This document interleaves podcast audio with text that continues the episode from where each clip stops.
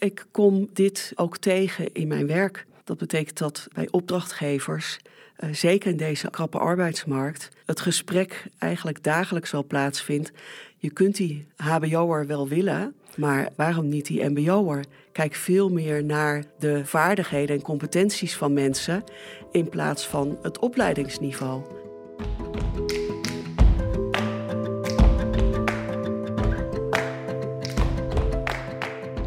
Dit is Je Beste Zelf Zijn, een podcast van Randstad Groep Nederland. In deze podcast gaan we op zoek naar hoe je het beste uit jezelf naar boven haalt in je werk. Wat is daar precies voor nodig? En wat kun je zelf doen? Mijn naam is Pearl Steffens en ik ga op zoek naar antwoorden.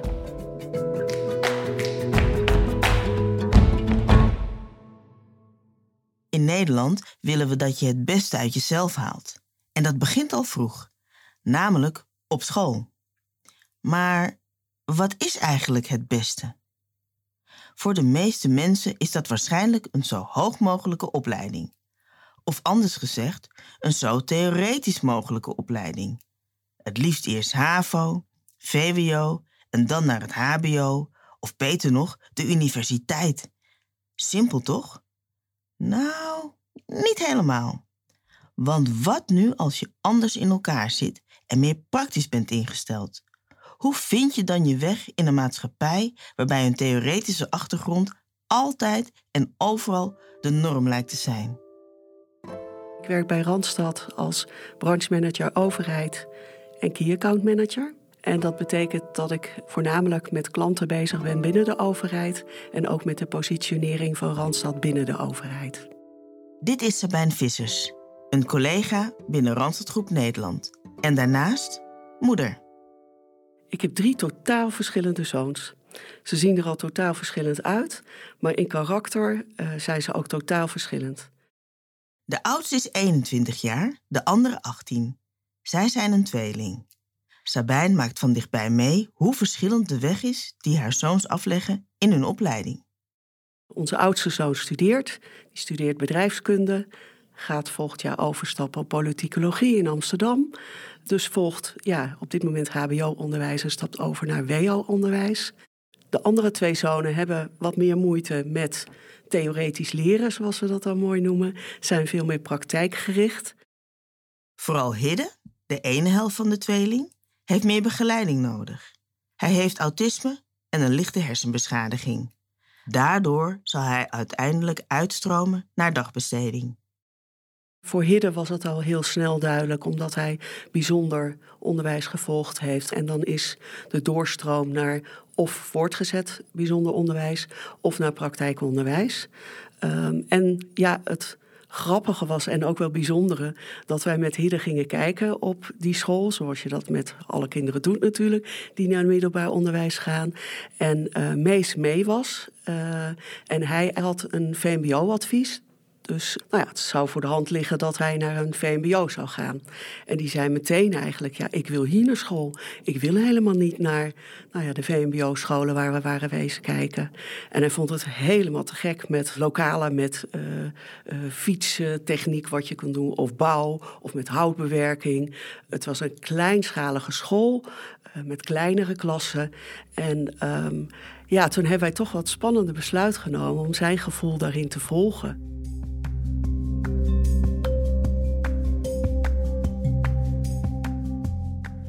Het was niet echt makkelijk hoor om die beslissing te nemen. Uh, voor Hidde was het natuurlijk wel duidelijk, maar voor Mees was het echt wel spannend. Uh, zeker ook door je omgeving, omdat iedereen het optimale eruit wil halen qua opleidingsniveau. Wij hebben zelf gestudeerd.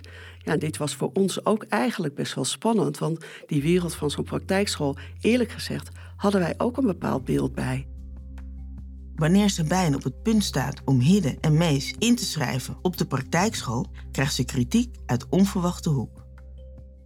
Ik vond het heel bijzonder om uh, te horen dat onze oudste zoon Stijn zich veel zorgen maakte om de tweeling, om Hidde en Mees. Van, letterlijk dat hij zei: hoe moet dat nou met hun later? Uh, dan hebben ze geen goede opleiding. En uh, hoe gaan ze dan hun geld verdienen? Uh, ja, hoe komen ze wel goed terecht? Terwijl dat niet iets is wat wij meegeven, sterker nog andersom. dat ontwikkeling met andere dingen ook te maken heeft. En ook met jezelf kunnen zijn. En ook gewoon happy zijn met wat je doet. Hij pikt dat op van de omgeving, uh, ja, de wereld waar hij ook in zit. Dat is zijn referentiekader. En je ziet toch dat dat dus invloed heeft. Het zal niet de enige keer zijn dat ze beide mensen treft die een bevooroordeeld en onvolledig beeld hebben van praktijkonderwijs en de waarde ervan onderschatten. Ze merkt het overal onbekend maakt onbemind. Het bijzondere is in de reacties van mensen om ons heen dat dat met goed bedoelde dingen gezegd wordt. Ja, maar ik ken ook iemand, of bij ons in de familie, of vrienden van ons, of goed. Um, dat is echt nog wel goed gekomen hoor. Die zijn uiteindelijk nog wel, weet je, het zijn laadbloeiers of iets. En hoe verrassend was het toen wij daar binnenstapten, uh, dat we zien van wat een prachtig soort onderwijs wordt daar gegeven met ongelooflijk bevlogen uh, docenten die wat mij, voor mijn part echt allemaal een gouden, in een gouden lijstje mogen. Uh, omdat er toch ook wat ons beeld bevestigd heeft, kwetsbare kinderen zitten uh, die uit een andere omgeving komen, ook dan onze kinderen. Maar wel met zoveel aandacht en liefde, maar ook voorbereidend op een plek in de maatschappij. Dus veel aandacht voor zelfontwikkeling, zelfreflectie.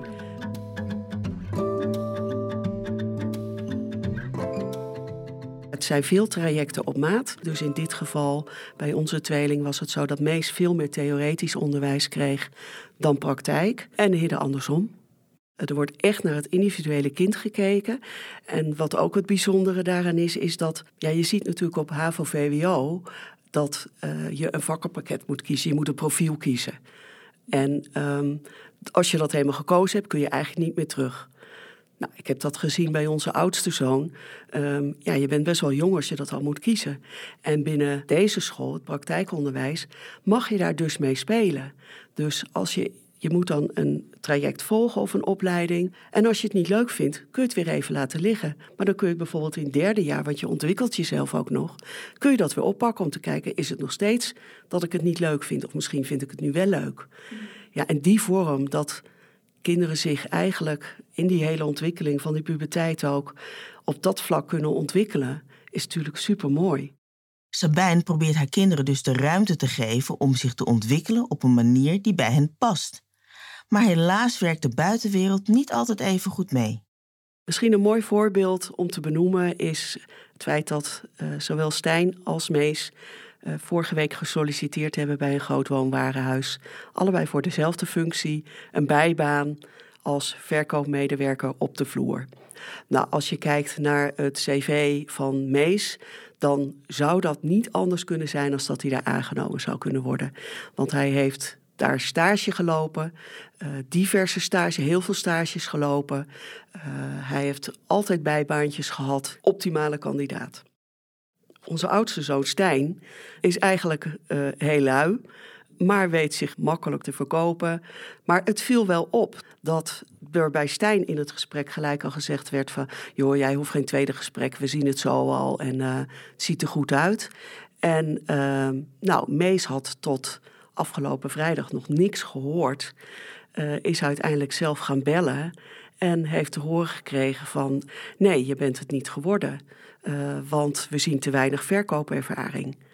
Nou zijn dit natuurlijk van die grijze gebieden waarvan je kunt zeggen van ja, wat, wat gebeurt hier nu? Hè? Uh, toch bijzonder dat Mees daarvoor afgewezen wordt, terwijl hij heel veel relevante ervaring heeft en goede referenties. Ja, zeg het maar.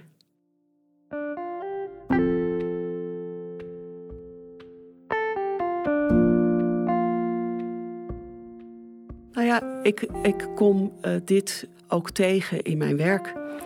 Dat betekent dat uh, bij opdrachtgevers, uh, zeker in deze krappe arbeidsmarkt, um, het gesprek eigenlijk dagelijks al plaatsvindt. Je kunt die HBO'er wel willen, dat begrijpen we ook. Alleen, we zien ook dat deze populatie ook sneller vaak verveeld is en dus uitstroomt. En dat zijn wel de gesprekken die wij nu met opdrachtgevers ook vaak voeren. Waarom niet die MBO'er? Kijk veel meer naar de vaardigheden en competenties van mensen in plaats van het opleidingsniveau. Wat mij het toch wel het diepst raakt als het gaat om de uitdagingen rondom het MBO, is dat wel dat ze als dom of dommer worden gezien door heel veel mensen. Dit is Karim Amgar. Hij geeft al 12 jaar les in het MBO. Hij zet zich al jaren in voor meer waardering van het praktijkgericht onderwijs. Dat doet hij onder meer als schrijver, spreker, programmamaker en als gast in verschillende radio- en televisieuitzendingen. Het zijn doeners en geen denkers. Dus uh, ze willen helemaal niet leren, ze willen helemaal niet lezen. Er is geen leescultuur. Ze zijn minder intelligent, dan zeg ik het nog netjes. Dat zijn allemaal verschrikkelijke dingen om, om te horen over het MBO. En dat mensen die überhaupt, überhaupt nog denken anno 2023. Maar ze zijn er nog zeker. Wekelijks maak ik wel mee dat, uh, dat dit soort stigma's uh, nog heel heftig geplakt worden op het MBO. Het MBO is niet de motor van onze economie. Uh, het MBO is de motor van onze samenleving. Als je kijkt tot welke beroepen MBO's worden opgeleid, dat gaat van elektromonteurs die nu de aankomende 20, 30 jaar alle elektriciteitsnetten onder de grond moeten gaan vervangen, zodat we allemaal qua klimaatdoelen het gaan halen, uh, dat iedereen elektrisch kan gaan rijden, dat we van het gas af kunnen. Um, uh, dus het zijn echt mensen die ervoor zorgen dat onze samenleving blijft draaien, dat het goed gaat. Om ervoor te zorgen dat we MBO'ers als volwaardig talenten zien, begint het al met hoe we praten over het onderwijs. Het gaat over lager of hoger, minder intelligent. Het gaat ook over namen, zoals het middelbaar beroepsonderwijs, het hoger beroepsonderwijs, waarbij ik veel meer zou willen zeggen praktisch onderwijs of theoretisch onderwijs, waarbij we ons onderwijs veel meer gaan zien als een waaier. Karim is voorzitter van de werkagenda MBO. Dit is een akkoord tussen het MBO, overheden en een groot aantal maatschappelijke organisaties. Vanuit zijn rol als voorzitter zet Karim zich ervoor in dat MBO'ers dezelfde kansen krijgen als studenten in het theoretisch onderwijs. En dat ze voor vol worden aangezien. Als je ze vraagt hoe voel je je in relatie tot je opleiding en het vak dat je aan het leren bent, zeggen de meesten: ja, goud, dit is prachtig, dit wilde ik maken, moet je eens kijken, man. Maar als je ze vraagt, hoe kijkt de buitenwereld naar je? Schaam je je wel eens voor je opleiding? Zeg je het ook tegen mensen die voor het eerst tegenkomt op een feestje? En dan zeggen ze nee. Nou, als ik dan bijvoorbeeld uh, een iemand die ik sprak, die zei... Uh, ja, als ik op een feestje ben, dan, dan vraagt iemand mij... joh, wat, wat voor opleiding doe je? Dan zeg ik vaak, ja, doe juridisch. En dan maar hopen dat mensen ervan uitgaan dat het een hbo-opleiding is en maar niet doorvragen.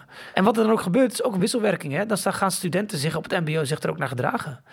En dan hebben ze lage verwachtingen van hunzelf. Dan gaan ze zichzelf ook vinden. Iemand beoordelen op basis van zijn opleiding heeft dus een groter effect dan we misschien denken. Een ander belangrijk punt voor Karim is dat het onderwijs veel beter aansluit op de arbeidsmarkt. Volgens hem komt het vaak voor dat MBO-studenten tijdens hun stage te weinig begeleiding krijgen. Soms krijgen ze zelfs niet eens een stagevergoeding. En heel veel bedrijven zeggen nee. We kunnen het niet betalen, stagevergoeding, vinden het lastig, bla bla bla. Het worden vaak als handjes gezien. En, um, en dus zien ze op korte termijn niet hun verantwoordelijkheid altijd. Voor wat ze op de lange termijn kunnen betekenen voor de MBO's, maar ook wat die MBO's weer voor hun kunnen betekenen op de lange termijn.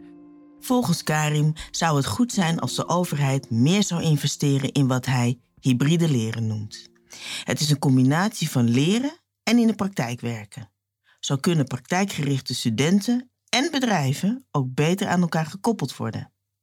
Maar dat kan alleen als het voor bedrijven ook financieel haalbaar is om deze studenten te begeleiden. Ik merk wel dat er heel veel, heel veel branches bewust zijn en ook echt meegaan.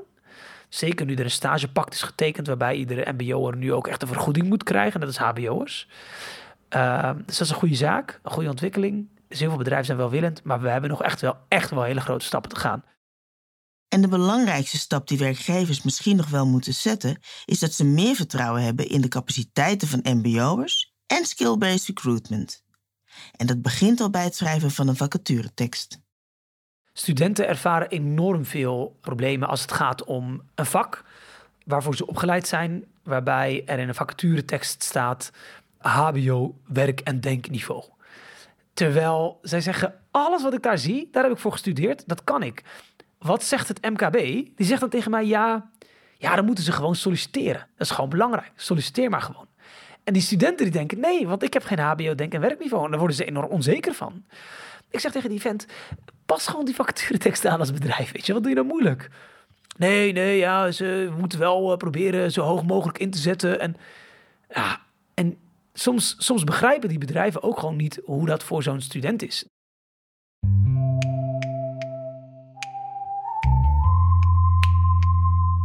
Bianca Poelseuren werkt al 25 jaar als Talent Acquisition Specialist voor Tempo Team. En zij snapt precies waar Karim het over heeft. Wat je merkt uh, is dat managers uh, uh, toch vaak zeggen: Ik wil een HBO'er, want die zijn sneller up en running, eh, gaan sneller. Eh, dus je merkt daar wel een discriminatie. En, en ik ga dan wel altijd het gesprek aan met de manager, omdat ik, nou ja, ik zelf ben daar het levende voorbeeld van. ik ben ook een MBO'er, maar volgens mij weet ik me heel goed staande te houden in onze organisatie.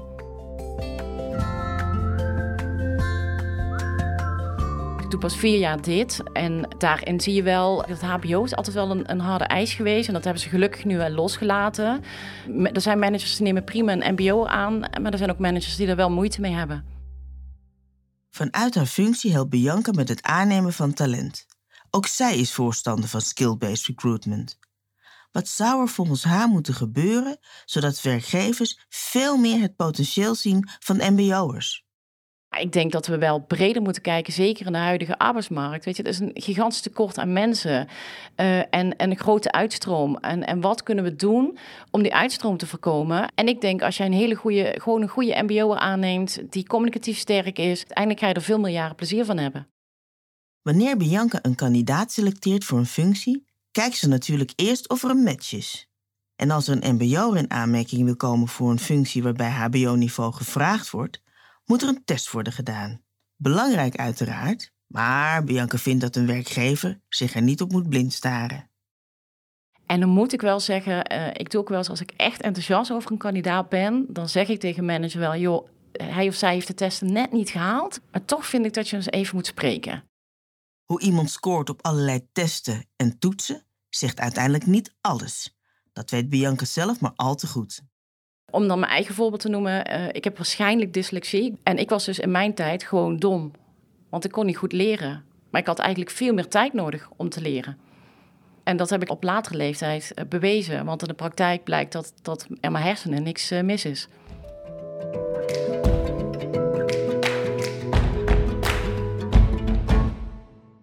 Uiteindelijk moeten we eerlijk zijn, zegt Karin. Want onderwijsdiscriminatie is niet een probleem dat zich alleen beperkt tot de arbeidsmarkt. Dus we moeten ons afvragen, deze problemen die we bespreken, ook in deze podcast, zijn dat onderwijsproblemen of zijn dat samenlevingsproblemen? En mijn antwoord is, het zijn samenlevingsproblemen. Het zijn geen onderwijsproblemen. Dus niet met z'n allen naar het onderwijs wijzen, maar met z'n allen wijzen naar ook de wijkagenten, ook de social workers, ook de bedrijven, ook de media, die ook in films en in bepaalde zaken, in journalistieke stukken, het mbo naar beneden haalt. Dus allemaal onze verantwoordelijkheid pakken.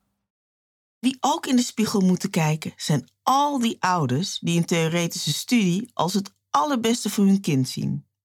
En ik ken genoeg situaties waarbij kinderen tot aan het depressieve worden gepusht door hun ouders om naar de haven of naar het VWO te gaan, naar de universiteit of naar de hogeschool te gaan. Terwijl ze zouden prachtig en heel goed zouden gedijen op het MBO, gelukkig worden van dingen echt maken, die maakcultuur, maakbaarheid. Waarbij je toch ziet dat ouders uh, enorm pushen om ongelukkig te worden. Ja, met alle respect. Als ik nu naar mijn kinderen kijk, zijn heel jong en heel onschuldig. Uh, zijn zes, drie en nog vijf maanden de jongste. En uh, ik geniet gewoon van als zij gelukkig zijn, weet je. het boeit me echt geen geen wat ze gaan doen. Uh, als ze maar gewoon gelukkig zijn. Dat is wat ze bijna probeerde uit te leggen aan haar oudste zoon toen hij zich zorgen maakte over de toekomst van zijn broers die naar het praktisch onderwijs gingen. Ja, we hebben misschien een beetje luchtig ook wel gereageerd van Jos Stijn. Um, ik kan me voorstellen dat je daar zorgen om maakt. Maar hoe vaak komt het niet voor dat theoretisch opgeleide mensen met goede banen op hun 40ste, 45ste in een burn-out komen en een camping beginnen in Frankrijk. En daar met hout gaan werken of schildercursussen gaan geven. Het gaat erom dat je uiteindelijk ergens op je plek zit en dat je daar heel gelukkig bent. En of dat er iets is wat je meer praktijkgericht werk doet of juist theoretisch gericht werk, als je maar ergens gelukkig wordt. En of dat dan het een is of het ander, dat maakt niet uit.